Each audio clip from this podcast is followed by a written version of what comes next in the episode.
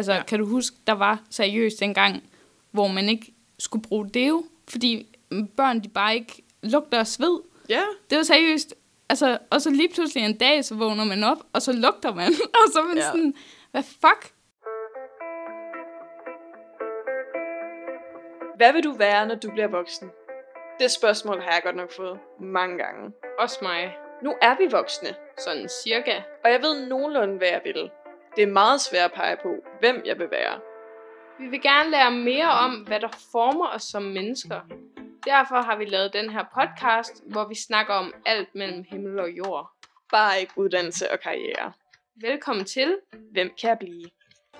Fuck what they are saying, what a life. Jamen, øh, hej og velkommen tilbage til Hvem kan jeg blive? Og hej Selina. Hej Johanne.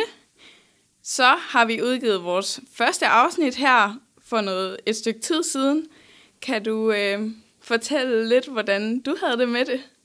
Ej, jeg synes, det var lidt vildt, også fordi jeg må indrømme, jeg, jeg cringede en lille smule over det. Altså, fordi jeg har, det er mig, der har redigeret det, så jeg har lyttet til det enormt mange gange. Og jeg begik den fejl, at da vi havde lagt det ud, der lyttede jeg til det igen, fordi jeg gerne lige ville finde ud af, om det nu også virkede, og hvad var oplevelsen. Og, nej, nej, nej, nej. og der må jeg bare indrømme, der synes jeg gradvist bare, at særligt jeg selv bare blev mere og mere cringe. Fuck, jeg havde det på præcis samme måde, bare omvendt, ikke? Hvor altså, jeg hørte det jo kun én gang, altså, og det var, det var de værste 45 minutter i mit liv, følte jeg. Ja.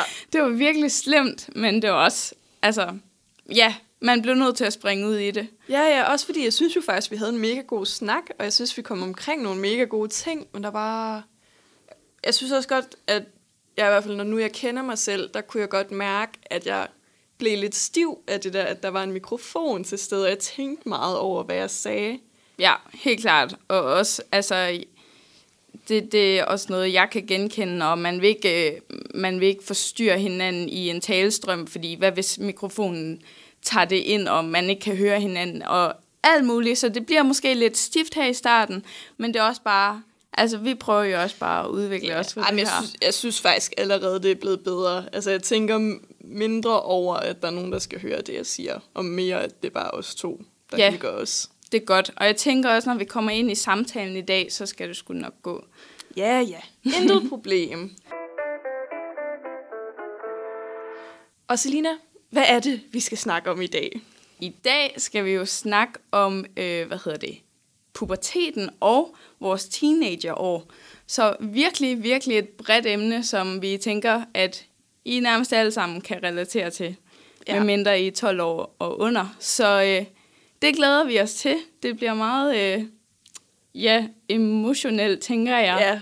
Ja, ja helt sikkert. Um, også, det er bare et tema, som vi føler passer enormt godt ind i hele den her idé om at snakke om ting, der former os som mennesker. Fordi det er jo lidt kliché, men det er jo bare altså, teenageårene, hvor rigtig mange af os i hvert fald udvikler store dele af os selv, og sådan begynder i hvert fald at finde sådan en eller anden form for grundform med, hvem man er. Man prøver lidt nogle forskellige ting af. Ja, 100. Altså, jeg har også virkelig tænkt på, da vi blev enige om det her tema, at det er jo der, hvor man oplever næsten alting for første gang. Altså, Ja. der er virkelig mange ting, som man aldrig har oplevet før, og som man bare bliver smidt ud i. Men man er jo ikke en baby længere, så man skal også sådan lidt stå med det selv. Så, så vild tid, og jeg glæder mig til at dykke ind i det. Ja, helt sikkert. Helt sikkert. Og måden, det kommer til at foregå på i dag, det er, at vi hver især har forberedt tre spørgsmål til hinanden mm-hmm. inden for nogle forskellige emner omkring teenagealderen. Og øh, dem kommer vi bare til at stille hinanden på skift. Og så har vi en lille snak om hvert spørgsmål. Ja, og jeg glæder mig sygt meget til at høre, hvad du har med til mig, for jeg Og ved, at du skal måde. starte. Ja, Ja, så skal vi komme i gang med det? lad os bare springe ud i det. Okay, Selina. Første spørgsmål. Uha. Var du en oprørsk teenager, og hvordan eller hvordan ikke? Okay, okay, okay. Øhm, jeg vil sige, at jeg har fået at vide fra min mor øhm, og min far, de er heldigvis enige, at jeg var en okay nem teenager. Øhm, jeg ved ikke, om jeg selv er enig. Jeg synes da jeg var da mega oprørsk, men, men øh, det har jeg åbenbart ikke været øhm, så meget. Jeg tror, øh, jeg kom faktisk også ind på det her sidst, at det først kom rimelig sent i mine teenagerår. Altså, da jeg var 19, og jeg bare skulle flytte ud, så var jeg sådan, Åh, fuck jer alle sammen, men det kom mega sent for mig, faktisk. Ja. Og jeg tror bare, ja, det var hyggeligt at være ene barn og Når jeg du er derhjemme. enebarn. Så, så ja. Jeg tror, jeg havde det egentlig meget godt med ikke at være så oprørsk. Jeg hyggede. Ja. mig. Ja. Men jeg ved ikke, jeg, jeg tror også, jeg brugte virkelig meget støtte fra mine forældre. Ja. Øh, altså, når jeg oplevede alle mulige ting, der forandrede sig i min liv som teenager, så tror jeg også, at det var trygt for mig at gå til mine forældre, så de har også, måske er det også derfor, at, øh, at jeg har holdt godt fast i dem. Ja, helt sikkert. Hvordan har du det? med det? Jamen, fordi altså, jeg var overhovedet ikke nogen oprørsk teenager, hvis jeg skal sige det selv. Mm. Altså, jeg har da haft mine faser, men det har jo mest bare været pinligt for mig selv, kan man sige.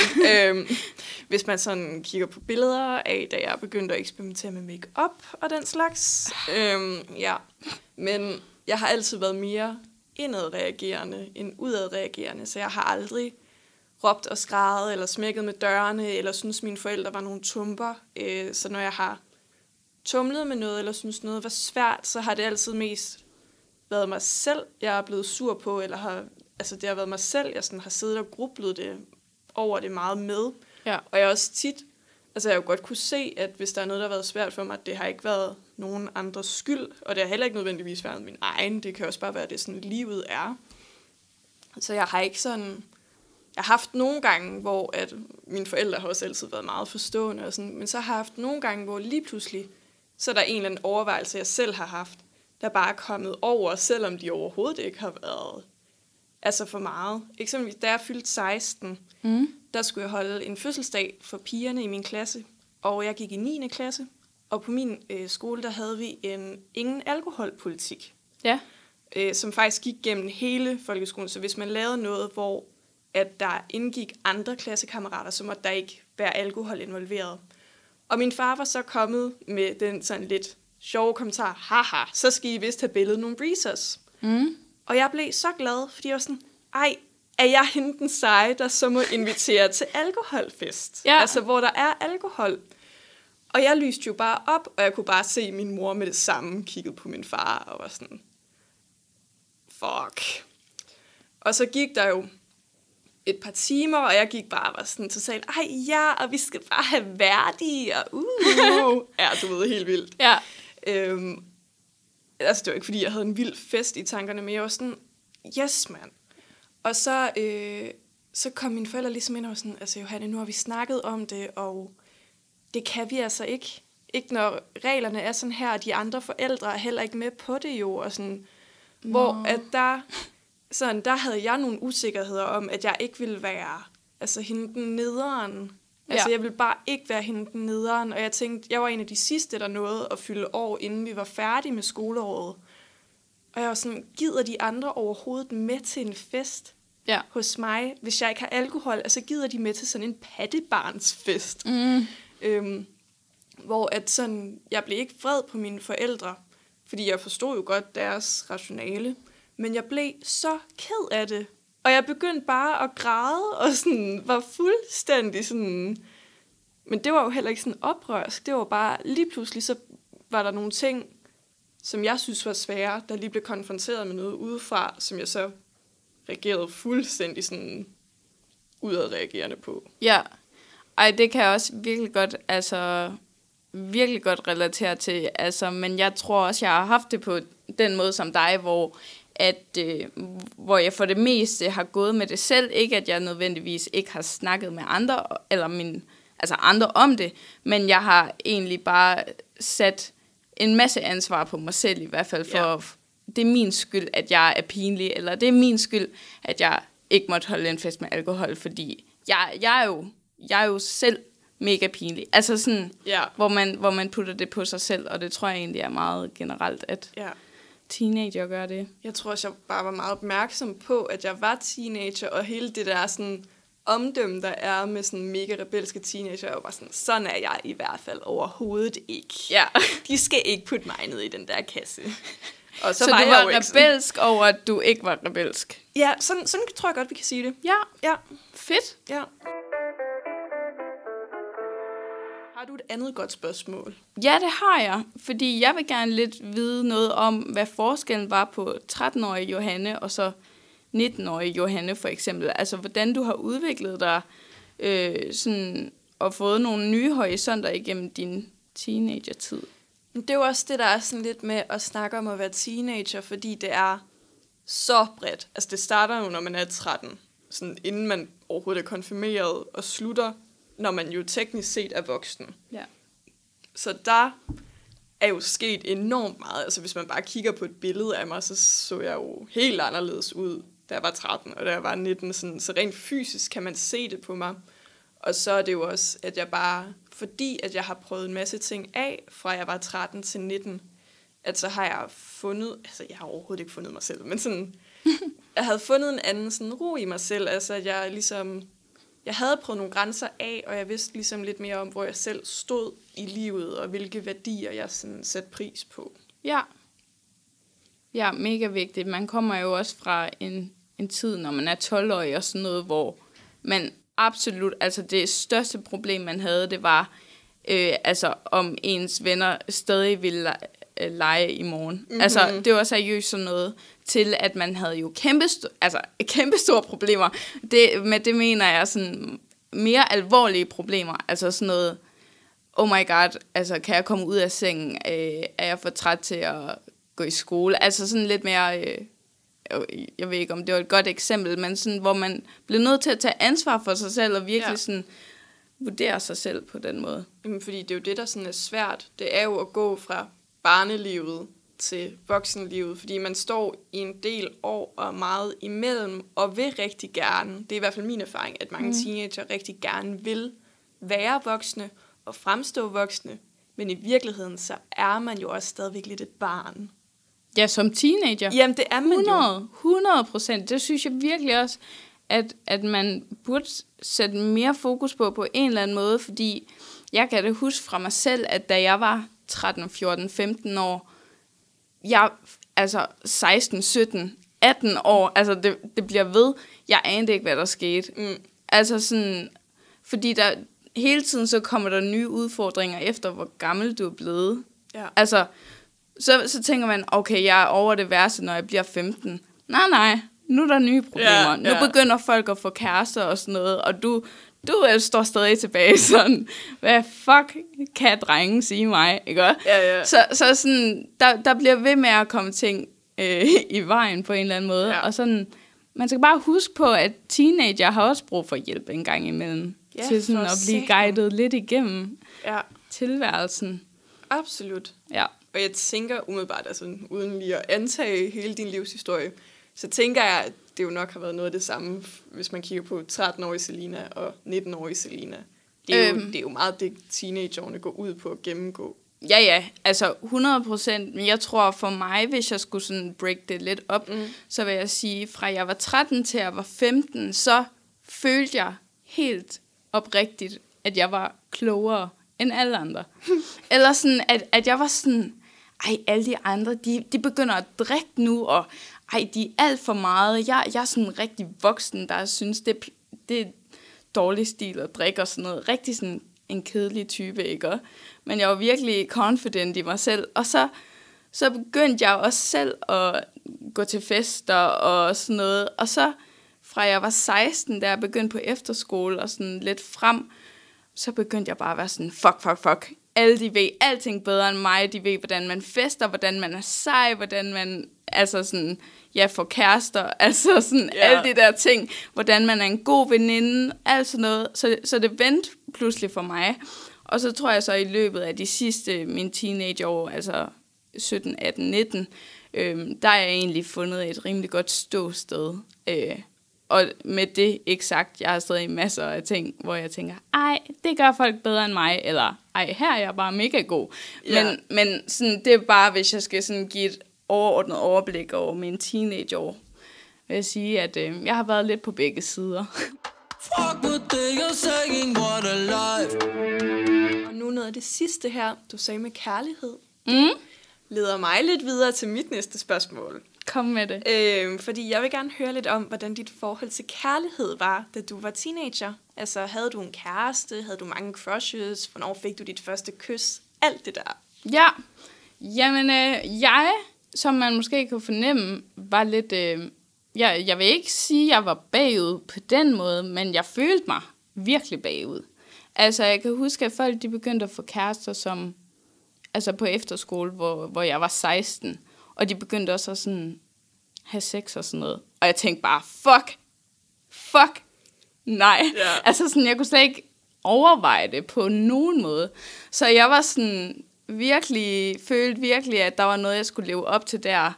Og så tror jeg også bare, at igennem de år, så har jeg bare ikke rigtig været interesseret i nogen. Nej. Altså næsten lige fra jeg var 13 og frem, der har næsten ikke været nogen, der har fanget min interesse.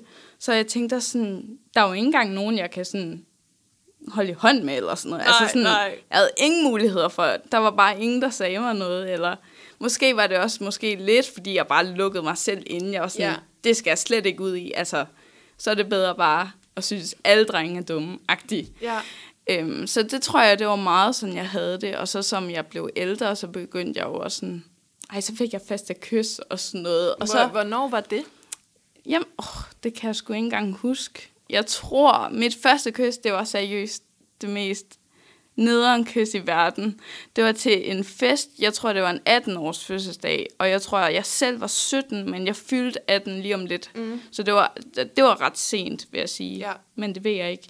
Men det var sådan med en eller anden total random fyr på dansegulvet. Lige pludselig, altså jeg er fuld, han er fuld, lige pludselig trækker han mig bare ind, så snaver vi, og jeg kan bare huske, at hans tunge var sådan virkelig kold, og jeg tænkte bare, Uh. altså, og, og, jeg, ej, og det værste var, jeg vidste ikke, hvem det var. Jeg vidste Ja. ikke, hvad han hed. Så stoppede vi, så var jeg sådan, haha, hvad hedder du? Fordi jeg var sådan, jeg skal jo vide, hvem jeg har kysset med. Så sagde han, han hed Christian, så var jeg sådan, okay. Og så, så gik jeg bare, og det var det. En virkelig forfærdelig Wow. historie. Wow. Men det var mit første kys, men øh, så, så jeg vil sige, ikke det sygeste Nej. historie, men, men måske også et meget godt eksempel på at vise, at øh, jeg havde gjort en kæmpe stor deal ud af mit første kys, og så da jeg havde det, så var jeg sådan lidt, nå, Ja, ja. det var det, agtigt. Ja, så, så lidt en antiklimatisk historie øh, om mit kærlighedsliv i mine teenageår. Jeg har heller ikke haft en kæreste, før jeg blev 20. Så altså sådan, jeg, jeg har bare aldrig rigtig øh, været så fremme i skoene på det punkt. Men det tror jeg helt ærligt også, at man bør snakke lidt mere om, fordi jeg tror, sådan havde jeg det også selv, da jeg var teenager. Jeg havde bare en oplevelse af, at alle havde prøvet alt muligt. Fordi det, det, altså man pisker lidt en stemning op blandt ja. Hinanden, fordi det er jo sejt at have prøvet alt muligt. Og det er der også nogen, der har, altså folk er forskellige steder. Men det er sådan, der er bare ret mange, der, der ikke har prøvet eksempelvis at få deres første kys, når de er 16. Det er så rigtigt. Altså, og det altså, er der jo ikke noget galt med, fordi igen, teenager er store børn. Ja, Altså, virkelig. sådan er det jo. Og jeg var også selv sådan lidt langsom med det der. Det var noget, jeg var ret bange for på en eller anden måde. Det er til dels stadigvæk. Mm. Øh, nu kan man sige sådan, jeg, har, jeg er 20, jeg har aldrig haft en kæreste. Og jeg har i dag ikke noget problem med det uforpligtigende. Men det øjeblik, det øjeblik, hvor jeg sådan tænker over faktisk at skulle være forelsket og have en ægte relation med nogen, så er jeg sådan, ah, ah, Ja, kan vi lade være med det? det forstår jeg godt. Dårlig, dårlig idé. Men det er jo igen, fordi at, jeg, det er jo nok, fordi jeg ikke har prøvet det. Altså, det er jo ligesom med teenageren, det var det der med, jeg synes, det var så skræmmende med det der første kys eksempelvis. Ja. Jeg fik mit, da jeg var 16. Ja. Men da jeg ligesom først havde fået hul på den barriere, så var jeg sådan, nå okay, så er det sådan, der jeg kysser med nogen. Så Ja. havde jeg ikke noget problem med ligesom at gøre det igen. Nej, men det er også, sådan havde jeg det også. Altså, jeg føler, efter man har prøvet det en gang, så, så bliver det meget nemmere. Altså, Ja. ja. så, fordi så behøver det måske heller ikke at have den største betydning. Altså, altså, hvis man vil have sit første kys til at være som i filmene, så skal man jo også lige have en tre års opbygning med, med tension og alt muligt, Ja, hvis ja. det skal være præcis sådan. Så når man finder ud af, jamen det kan være på forskellige måder med forskellige mennesker, så, så altså, så bliver det pres også taget af ens skulder på en eller anden Ja. måde. Men jeg tror også, jeg var på en eller anden måde også meget moden, du ved, uden at være det. Fordi igen var jeg meget opmærksom på det der med, at jeg var teenager, og jeg havde alle de der sådan, jeg havde sådan, "Ej, jeg vil ikke være sådan en cringe teenager, der gik og havde alle mulige mærkelige crushes. Men det kunne jeg jo godt se, det havde mine veninder faktisk. Altså sådan, jeg var jo så den veninde, der lyttede til det hele. Ja. Og jeg har da haft sygt mange veninder gennem mine teenageår, som har haft lidt mere de der sådan et typiske oplevelse med sådan, ej, kiggede han på mig, og ej, og så her i lørdag, så, og så mødtes vi over på legepladsen, og altså, du ved, sådan nogle rigtige Ja. teenage-agtige oplevelser, hvor man har været kærester med nogen i en måned, og går fra hinanden, og hele verden er brudt sammen. Ja, og ja, sådan, ja. Øh, hvor det havde jeg bare aldrig selv, men det er der virkelig nogen andre, der har haft, og det har også været ret sjovt at være vidne til det selv, for jeg kan huske, jeg tog det lidt på sådan et metaplan, hvor jeg stod som altså sådan, den udefra og kiggede og kunne egentlig godt se, det er sgu lidt sjovt, at du er så knust over en dude, du havde et crush på i to uger, og så var I kærester en måned derefter. Ja. Ja, men det er også det. Men, men jeg synes, følelserne går højt øh, i Ja. den periode. Og jeg vil sige, nu, nu hvor vi lige snakker om det, jeg kommer i tanke om, det var ikke fordi, jeg ikke havde crushes. Jeg har haft nogle Ja. af, hvor jeg bare ikke har gjort noget ved det. Jeg har mest haft sådan hemmelige crushes. Jeg vil aldrig fortælle nogen om det, fordi jeg var sådan, hvis jeg først har Uh. fortalt nogen om det, så er jeg også nødt til på en eller anden måde at gøre noget ved det. Okay, altså, ja. hvi- Hvis de ved, at jeg synes, den person er sød eller nice, så kommer de jo også til at stå og prikke til mig nede i kantinen og sådan, uh, han. Ja, Hvor jeg var sådan, det kunne jeg slet ikke magte. Så de crushes, jeg har haft, de har tit været sådan, bare noget, jeg har haft for mig selv. Ja. Ja. Og det har tit været så sådan en yber stor fascination, hvor jeg sådan har forestillet mig, altså jeg har næsten, det er typisk folk, jeg næsten ikke har snakket med. ja. Hvor jeg så i mit hoved bare sådan har puttet dem op på en pedestal og nærmest formet deres personlighed, uden at kende dem. Ja. forestillet mig alt muligt. Ja. Og været sådan, ej, de er den perfekte person, og hvis vi blev kærester, ah. Og, sådan, og så har jeg ligesom hyperfixeret på det, og haft nogle dagdrømme i måske et par uger eller en måned. Og så har jeg ligesom glemt dem igen, ja. Og så har jeg fået et nyt hemmeligt crush. Ja. Ej, det var altså gode tider, men jeg tror også, at øh, det vi begge to har haft til fælles, det er det der med, at vi har følt et pres. Ja. Altså, og det har vi prøvet at undgå. Mig måske ved at have uopnåelige crushes, og dig ved slet ikke at nævne det til nogen, så der er ingen, der kan prikke til dig. Ja. Øhm, og jeg tror, jeg, jeg ved, at der er mange af mine venner, som jeg har øhm, haft igennem gymnasiet, for eksempel, der har også ikke kysset med folk, da de var 15, eller sådan noget. Altså sådan, Ja. der har været på samme niveau som mig, men jeg tror, som yngre, så lægger man kun fokus på dem, der gør det modsatte af Ja. en selv. Så jeg, jeg lagde jo kun mærke til alle dem, der havde kærester, i stedet for alle de tusindvis af andre mennesker rundt omkring mig, Ja. der stadig heller ikke havde en. Og jeg kan huske, at jeg var mega nysgerrig på det. Og jeg har aldrig, jeg har aldrig haft noget problem med at stille upassende spørgsmål. Ej, hvor Så- dejligt. Så øh, jeg har rigtig meget, især øh, i de der teenager omkring gymnasiestarten, hvor mange af mine veninder begyndte at få deres første kæreste og begyndte at have sex for første gang, ja. der spurgte jeg enormt meget ind til det. altså også meget grafisk, fordi jeg var sådan, "Mm, det er jo bare at forberede sig. Ja. Altså det er jo bare ligesom at samle nogle erfaringer og skrovle lidt ind. ja. Så jeg har virkelig bare været altså sådan meget fascineret af det, og mm. spurgt enormt meget ind til det. Så jeg føler, at jeg har mange erfaringer på andres vegne. Det er fedt. Det, det er et godt grundlag måske. Ja. Jeg, øhm, jeg springer lige videre til mit næste spørgsmål, for det passer lidt ind i måske. Øh, synes du, at seksualundervisningen var tilstrækkelig og god nok, da du var teenager? Eller generelt også? Mm, altså, nu har, det har der været meget snak om, også i medierne på det seneste. Og jeg vil egentlig sige nej. Der vil jeg erklære mig enig med mange. Mm. Øhm, jeg synes faktisk ikke helt det er retvisende, når folk siger, at det udelukkende har fokus på øh, prævention eksempelvis. Ja, nej. Fordi jeg synes også, at vi i min klasse havde meget om det der med, med grænser og med altså, kroppen og sådan noget. Det havde vi faktisk også om. Øh, der havde, jeg synes, så vi havde lidt et bias, fordi jeg gik på en kristen friskole. Okay, ja. Så der var lidt en sådan en bias blandt dem, der så skulle fortælle os om det med, at sex var sådan lidt altså ikke sådan noget vendt til ægteskabet, men det var stadigvæk sådan, altså I skal ikke bare gøre det. Ja, okay. Det skal være med, at det skal være med nogen, der betyder noget for jer, og hver gang I har sex, så giver I en rose væk fra jeres buket. Nej, og, hvad? og, jeg, Sagde de det? og det var sådan, okay. Åh, oh, Øhm, nej. Ja, så det var, sådan, det var lidt biased på den måde. Men jeg Ja. synes, i forhold til oplysning, der har jeg også altid selv søgt meget oplysning, og jeg synes ja. faktisk, der er et ret godt mediebillede. Mm. Så jeg synes, det var nemt, når jeg så havde spørgsmål Ja. om ting, så at finde podcasts eller videoer eller altså tekster online. Så jeg synes også, altså det har været ret nemt tilgængelig information, Mm. men det tror jeg måske, at der... For mig har det jo så ikke været det store problem, men jeg tror, at der er rigtig mange andre, der godt kunne have haft et behov for, at det blev mere i tale sat i fællesskab, fordi de måske synes, det er lidt skamfuldt at Ja. søge efter sådan nogle ting selv. Det tror jeg også. Helt klart. Altså, jeg havde en lærer, der var lidt modsat jeres lærer. Hun, hun var altså en legende fuldstændig. Jeg tror, hun brugte to måneder af vores biologiundervisning bare på at snakke om seksualundervisning. Og hun, altså vi havde sådan en brevkasse, hvor vi, kunne, hvor vi kunne stille spørgsmål, og jeg kan huske, der var nogen i min klasse, der kunne nogle vilde ord, hvor de var sådan, hvad betyder det? Og så skulle hun forklare, altså en buttplug, eller sådan et eller andet, det var sådan Lol.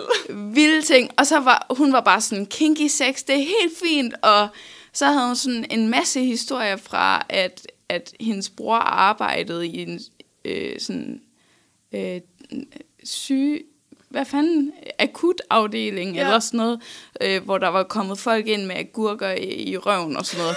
altså sådan, hun var så, altså hun var ikke bange for at svare på Nej. spørgsmål, og det var fucking fedt. Ja. fordi at så blev det også sådan et forum, hvor man ikke behøvede at være pinlig over sine ja. Spørgsmål. Øhm, så Men- hun var en kæmpe legende. Men kan det på den anden side ikke også blive lidt for useriøst? Altså kan det så ikke også blive sådan lidt hø-hø, hvor det måske især er sådan klassens klovn, der kommer til at styre det lidt og være sådan...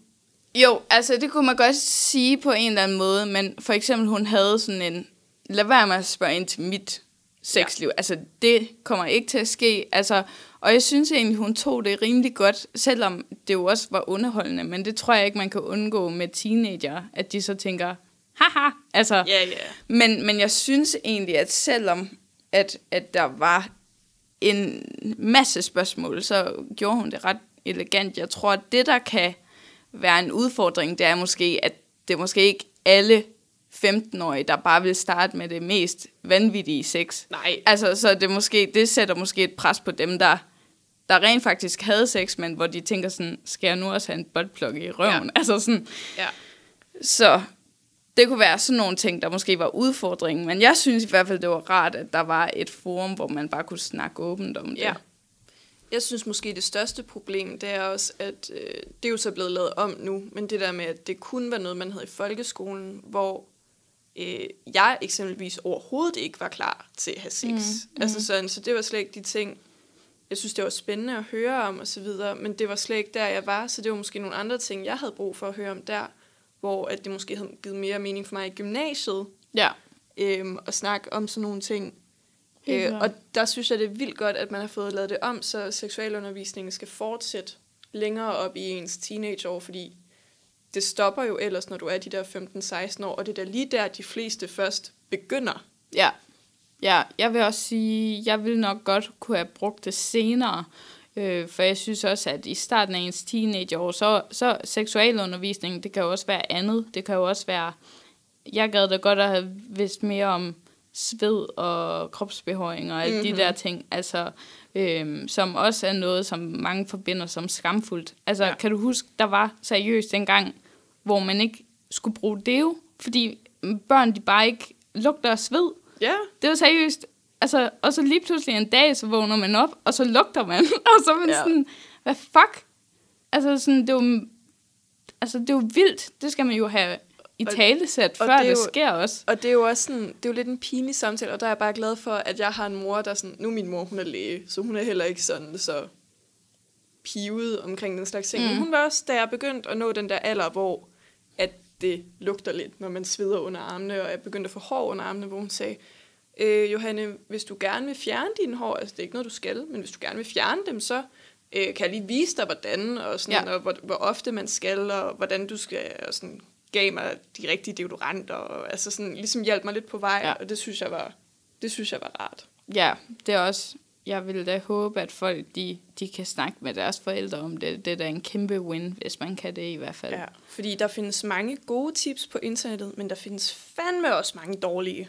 Det må man sige. Altså især nu, tænker jeg, hvor det er sådan noget... Så er det en ny trend. Altså prøv at gøre det med en to sten, eller Ja. ja. altså sådan, man kan jo virkelig ikke vide, hvad man finder derude. Nej, og, præcis. altså som, som helt ny i for eksempel krops, med bar, barbering, kropsbarbering, Ja. øhm, så er det jo, altså, så, så kan man jo ikke forholde sig kritisk til noget, man ikke har en grundviden om. Præcis, og der var der også lang tid, hvor jeg gjorde det bare for at gøre det, fordi jeg havde en eller anden idé om, det var ulækkert, hvis jeg lå være. Ja, Altså, hvor sådan, at jeg var faktisk, altså jeg var da 18 eller 19, før jeg var sådan, lige stillede mig selv spørgsmålet, hvad kan jeg bedst selv lide? ja, Altså sådan, altså under armene, hele året rundt, fordi det lugter altså bare af sved. Det bryder jeg mig ikke om. Jeg, Nej. synes, jeg lugter mere sved, hvis jeg har hår under armene. Men resten, det kan lidt mere gå i bølger. Det er lidt efter, hvad jeg har lyst til. Altså, Ja. jeg barberer ikke mine ben om vinteren eksempelvis. Og Nej. heller ikke, der er ikke nogen, der skal se dem, kan man sige. altså, jeg synes, jeg synes virkelig også, øh, det er bare det der med, at man skal også huske at stille sig selv spørgsmålet. Hvorfor ja. Gør jeg det? Altså, fordi, altså, ja, jeg tror bare, man gør meget ud fra, at man føler sig skamfuld som teenager. Ja. Øh, det gjorde jeg i hvert fald. Det kan jeg bare sige, at, at der var mange ting, jeg følte mig skamfuld omkring, og så prøvede jeg at undgå at føle mig skamfuld ved, for eksempel, ja, at barbere mig, hvor at, altså uanset om man vil blive ved med det eller ej, så bliver du nødt til at stille dig selv spørgsmålet på et eller andet tidspunkt, når du bliver ældre. Altså fordi, at man bare gør det intuitivt måske som, ja. Som teenager. Det er i hvert fald en overvejelse, man kan tage med. helt sikkert. Fuck with it, you're saying what a life. Nå, nu tror jeg altså, vi skal videre til Vi næste. videre. Ja. Og det er mit sidste spørgsmål. Det er, hvad synes du var det sværeste ved at være teenager? Uha. Det sværeste ved at være teenager, jeg tror faktisk, at det har været, måske faktisk den der skam, jeg tror, at den har fyldt virkelig meget hos mig. Øh, og det der med, at jeg har, jeg har virkelig brugt lang tid på at, og, øhm, sammenligne mig selv med andre, Mm. og sådan tænke, hvad gør de? Øhm, så jeg tror, at det måske har været den største udfordring. Ikke så meget i forhold til, jeg var lidt ligeglad med, om de synes mit tøj var mærkeligt, for eksempel. Ja. Jeg havde min egen stil, og jeg var egentlig confident i den, og jeg, jeg var egentlig ikke bange for at bruge sådan farverig makeup for eksempel, eller noget som helst. Det var ikke så meget det, det var mere sådan alt det, der skete bag facaden. Mm. Sådan, alt det, som man ikke helt normalt snakker om med alle. Ja. Fordi at så tænkte jeg, hvis vi ikke snakker åbent om det, hvorfor snakker vi ikke åbent om det? Er det så fordi, at det er mærkeligt? Er jeg mærkelig? Hvor, hvor, altså, og så kørte den derfra. Så jeg ja. Tror egentlig, at, at det har været sådan en helt generel skamfølelse, som jeg har haft i virkelig mange år, der nok har sådan, øh, været det største for mig. Ja. Jeg synes helt sikkert også, det har været det der med ikke at lade sig definere for meget ud for andre. Altså, det er der stadigvæk... Altså, okay, nu er jeg 20. Jeg er lige kommet ud af teenageårene. Men det synes jeg stadigvæk er noget, der kan være svært. Men det var især i mine lidt yngre teenageår. Det der med øh, især mine holdninger. At mm. jeg kunne godt have en holdning, men hvis der så var nogle andre i klassen, hvis der ligesom var en overvægt af folk, der synes noget andet, så var det meget nemmere bare ligesom at hoppe med på den. Ja. Altså, øh, især der havde vi i min folkeskoleklasse en gruppe drenge, der var sådan ret antifeministiske. Det havde vi sådan set også i min gymnasieklasse. Oh my men, god. Men um, ikke, på den der, sådan, ikke på den der klamme måde, men bare det der med, øh, me too, Nå, det er lige ja. meget. Og sådan. Okay, ja. Øhm, hvor jeg kan huske, da første MeToo-bølge ramte, i, var det 17, der var jeg omkring 15 år gammel. Så det har været, da jeg gik i 9. klasse. Mm. Hvor at, øh, det ramte ikke så hårdt i Danmark, men det var stadig, vi snakkede især om det i engelskundervisningen, øhm, fordi det jo var stort i USA blandt andet. Hvor vi så øh, skulle have en debat om, er det kvindernes skyld, eller er det de her instruktørers skyld, Ja. eksempelvis. Hvor der var rigtig mange, der var sådan, især drengene, var sådan, jamen, en aftale er en aftale. Hvis hun selv har valgt, at hun gerne vil have sex med ham for at få en rolle, så er det jo hendes valg. Mm. Hvor jeg i mit stille sind tænkte, ah, sådan kan det jo ikke være. Ja. Der er jo et ulige magtforhold, og det er jo slet ikke i orden, og det er jo, altså, det er forkert. Og der er en grund til, at det er blevet en bølge. Det er ikke bare, altså, piveri. Hvor at sådan, den holdning kunne jeg slet ikke stå ved. Det kunne jeg godt, når jeg snakkede med mine veninder, fordi de var relativt enige, mange af dem. Men når vi så stod i den der store forsamling, hvor mange af drengene, som, som fyldte mere end mig i klassebilledet, synes noget andet, så gik jeg bare med på den. Når Ja. jeg så blev spurgt, så var jeg sådan, ja, jamen, øhm, det valgte hun jo selv. Ja. Hvor jeg så bagefter kunne sidde tilbage og være sådan helt, øh, det synes jeg virkelig ikke. Ja, ja. Og så få sådan en helt dårlig samvittighed over, Ja. at man ikke kunne stå op for sig selv. Jeg tror godt, jeg kender følelsen. Jeg ved ikke lige hvorfra, men jeg kender det godt i ja. hvert fald. Øhm, men d- ja, det kunne jeg da også godt have fundet på, tror jeg, i, i den situation, måske i forhold til en eller anden ikke debat. Det kunne også være et eller andet så, så simpelt som, skal vi have pizza eller burger? Mm. Og hvis, øh, hvis de seje, de siger pizza, så kan du tro, jeg sagde pizza, Ja. selvom jeg bare cravede en burger. Ja, ja, ja. Altså sådan, det, 100. er, det, det, det går. Ja, så det var nemlig meget det der med, at øh, jeg vil rigtig gerne tilpasse mig andre, for at de så ville kunne lide mig bedre, og Ja. synes, at altså, inkludere mig. Ja. Øh, og det synes jeg, det er da klart blevet bedre til i dag, altså at stå ved mine egne holdninger, selvom det er jo svært, og det er jo svært gennem hele livet, men det bliver jo nemmere, jo bedre man ligesom kender sit eget ståsted i livet. Ja. Mega fedt. God morale. Så nu hvor vi er ved sådan en uh, morale. Ej, okay, jeg laver de mærkeligste segways. Det er virkelig, jeg prøver virkelig hårdt. Det går ikke særlig godt. Vi, vi sletter lige. Hvad er det positive, du kan tage med videre fra dine teenageår, Johanne? Okay, det er en god note at slutte på. Ja. Øhm, fordi, øh, jo jo, det er svært at være teenager, men det er fandme også fedt. Altså, Ja. fordi alt det der nervepirrende, der er i, at alting er for første gang, og det er sådan, man har ikke prøvet det før, og man skal prøve nogle grænser af og kaste sig ud i noget, og livet ligger bare foran en. Så også det der med sådan, nogle gange måske at træde lidt ved siden af, men så lære noget af det. Mm-hmm. Det synes jeg har været enormt fedt, og jeg synes jo bare, det er det sjoveste at kigge tilbage på mine teenageår og kigge billeder og se, hvordan jeg ligesom har udviklet mig. Ja. Og nogle gange vil jeg jo også bare ønske, at jeg kunne gå tilbage, fordi sådan, der, hvor jeg stod i livet, det var jo vidderligt bare, at altså, jo, jo, jeg var ved at vokse op og sådan noget, men jeg boede hjemme med mine forældre. Jeg havde ingen husleje. Mm. Altså, jeg brugte kun penge på at have det sjovt. Jeg gik til fester. Jeg, jo, jo, der var lektier og den slags. Men jeg hang jo bare ud med mine venner. Jeg havde det fedt. Der var ikke ret meget ansvar. Ja. Og det kan man jo godt savne lidt. Ja, det kan jeg nikke genkendende til. Øh, jeg, jeg tror, for mig, så var det også herre meget. Altså virkelig, at, at øh, man bare sådan har fået lov til en hel masse som mm. teenager. Altså, fordi altså, man skal jo lige finde ud af det hele. Så jeg har for eksempel hele 8. klasse, jeg havde forfærdelig, forfærdelig, forfærdelig stil.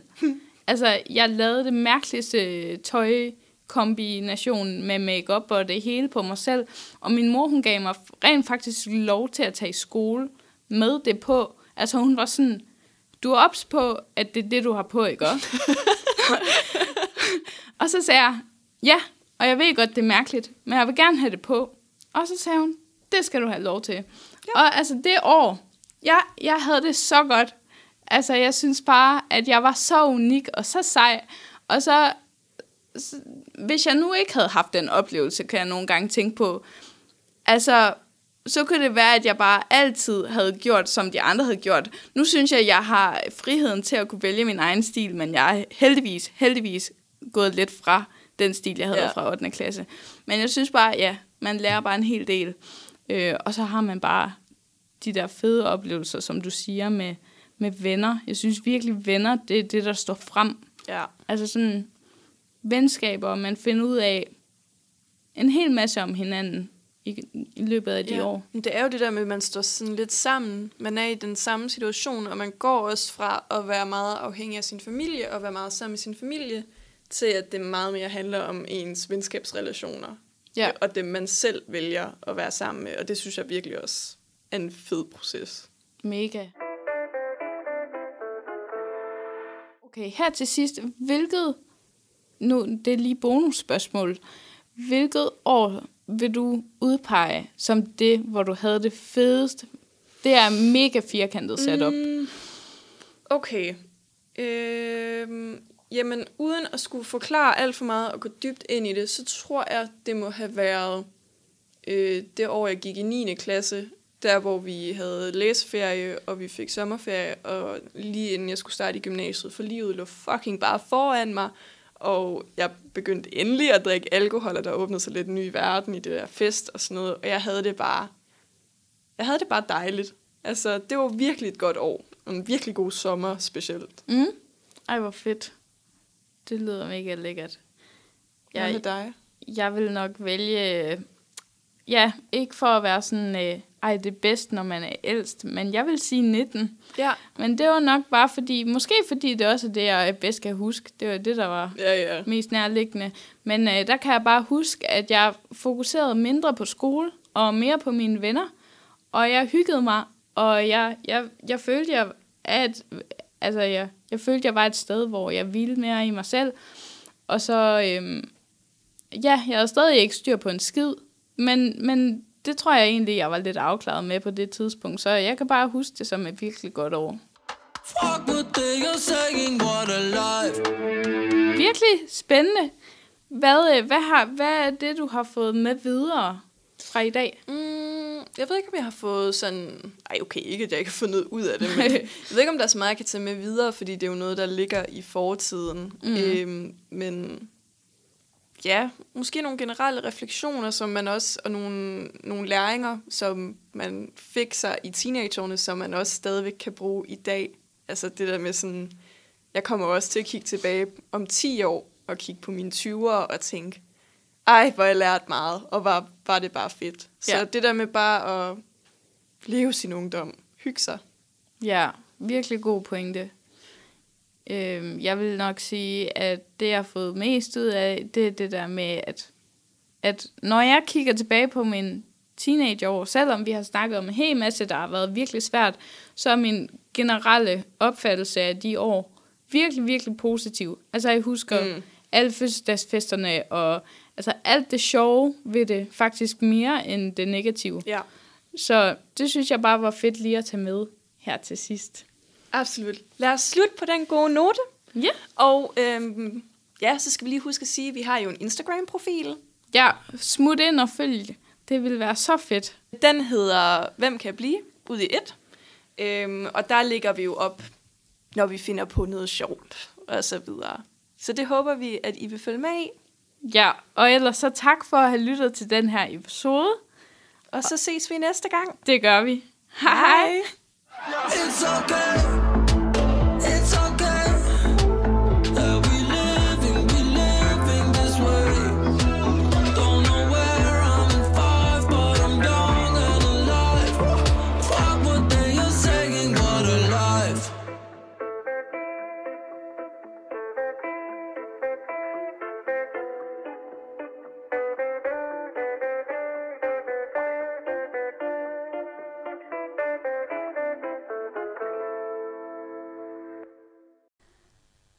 Radio Genlyd sender i samarbejde med Kai. Lyt til vores programmer på Twitch og Spotify.